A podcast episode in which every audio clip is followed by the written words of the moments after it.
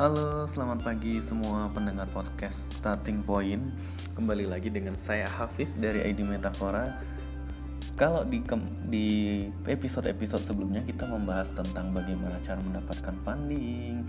Nah, pada episode kali ini kita akan membahas kenapa startup-startup gagal dalam menjalankan bisnisnya. Ya, tentu menarik banget ya kalau dibahas satu persatu. Setidaknya ada beberapa alasan nih kenapa startup gagal. Mari kita coba bahas satu persatu. Nah, untuk yang pertama kali adalah kenapa startup gagal yaitu karena mungkin mereka tidak menuliskan bisnis plan mereka.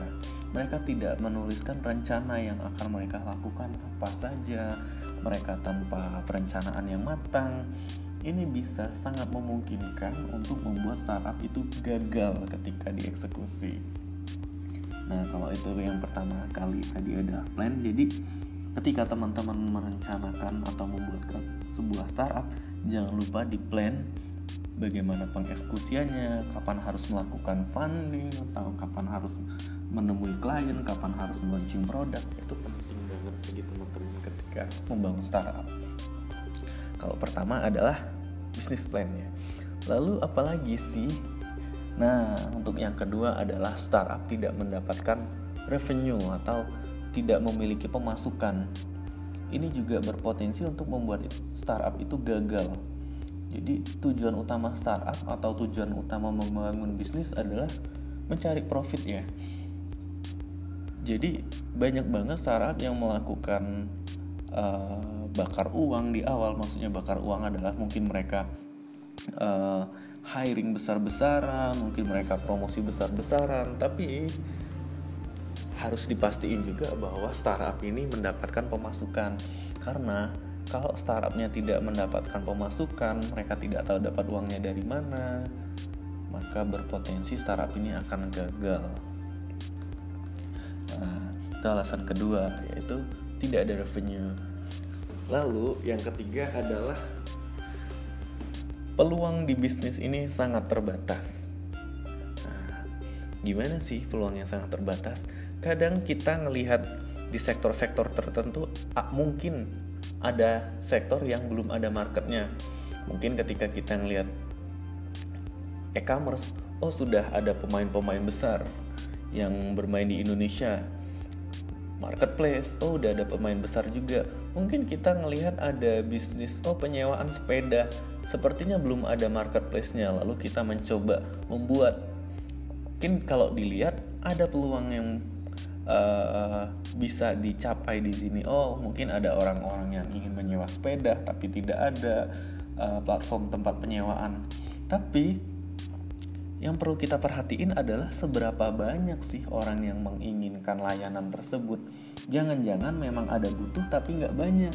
Nah, di situ penting banget bagi kita untuk tahu opportunity-nya seberapa besar. Jangan sampai kita menggarap pasar yang opportunity-nya sangat-sangat kecil. Lalu yang keempat adalah kita tidak tahu bagaimana mengeksekusinya. Contoh, misalkan kita kembali ke tahun 2013 atau 2014, anggaplah kita punya ide ingin mempertemukan orang dengan pemesan ojek. Saat itu mungkin belum banyak. Mungkin kita sudah punya ide itu, tapi kita tidak tahu bagaimana cara mengeksekusinya. Lalu tiba-tiba ada pemain besar mengeksekusinya dengan sangat cepat. Nah, ini memungkinkan juga untuk bikin startup kita gagal. Jadi, sangat penting bagi kita untuk menentukan bagaimana sih kita mengeksekusi ide tersebut. Lalu, alasan lain kenapa startup gagal adalah terlalu banyak kompetisi. Misal kita lihat market e-commerce sudah sangat banyak di Indonesia udah mungkin ada 10 nama besar dan di belakang mereka udah ada investor-investor besar. Lalu tiba-tiba kita datang ingin menyaingi mereka. Nah ini sangat kecil kemungkinannya untuk kita compete dengan mereka kita bersaing dengan mereka. Jadi angka baiknya kita lihat kompetisinya yang masih sehat saja yang untuk bisa kita masukin. Lalu kesalahan lain kenapa startup gagal adalah tidak adanya tidak memperhatikan uh, intellectual property nah ini penting banget. Ketika kita membangun startup kita harus mempersiapkan bagaimana brand kita supaya tetap legal, bagaimana legalitas bisnis kita, misal kita harus mendaftarkan PT atau perizinan tertentu. Ini sangat penting untuk kita perhatiin supaya bisnis kita tidak terhambat di tengah jalan.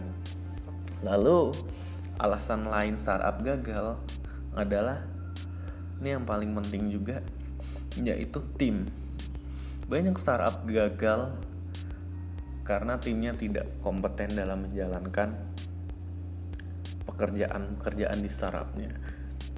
Contoh startup perlu melaunching suatu produk baru.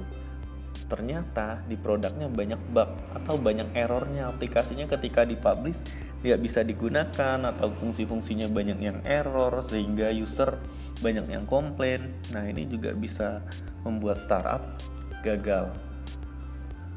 Lalu uh, yang kedelapan adalah mungkin kita tidak memperhatikan standar minimal yang dibutuhkan uh, ketika membangun startup itu misal kita membangun startup di industri pendidikan Nah, harapan kita adalah mengubah pendidikan di Indonesia menjadi lebih tinggi, tapi kita tidak memperhatikan sebenarnya standar seperti apa sih yang ingin dicapai.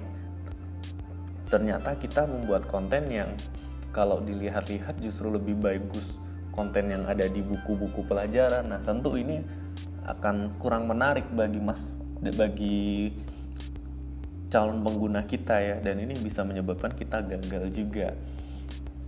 Lalu selain itu marketing yang kurang gencar. Bisa jadi produk kita bagus, bisa jadi layanan kita bagus dan sangat dibutuhkan di pasar, tapi kita tidak memasarkan produk kita. Kita tidak mempromosikan produk kita dan orang-orang tidak tahu produk kita. Nah, ini tentu bisa jadi alasan juga kenapa startup gagal di pasar atau bahkan orang memang tidak tahu kalau yang dibuat. Nah ini kan sangat sayang sekali.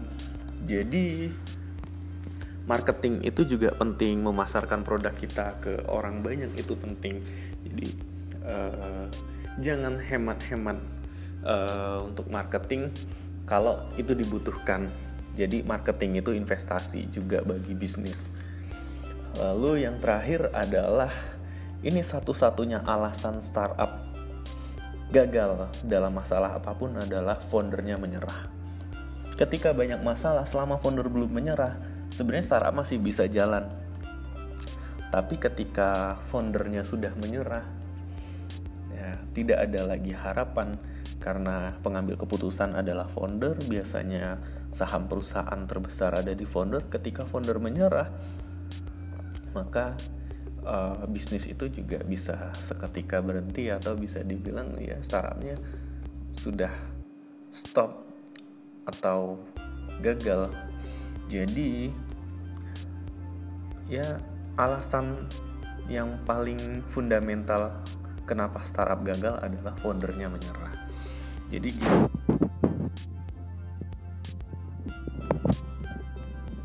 sharing hari ini. Sekian untuk sharing episode kali ini. Um, sampai ketemu di episode selanjutnya. Saya Hafiz dari ID Metafora. Sekian, thank you.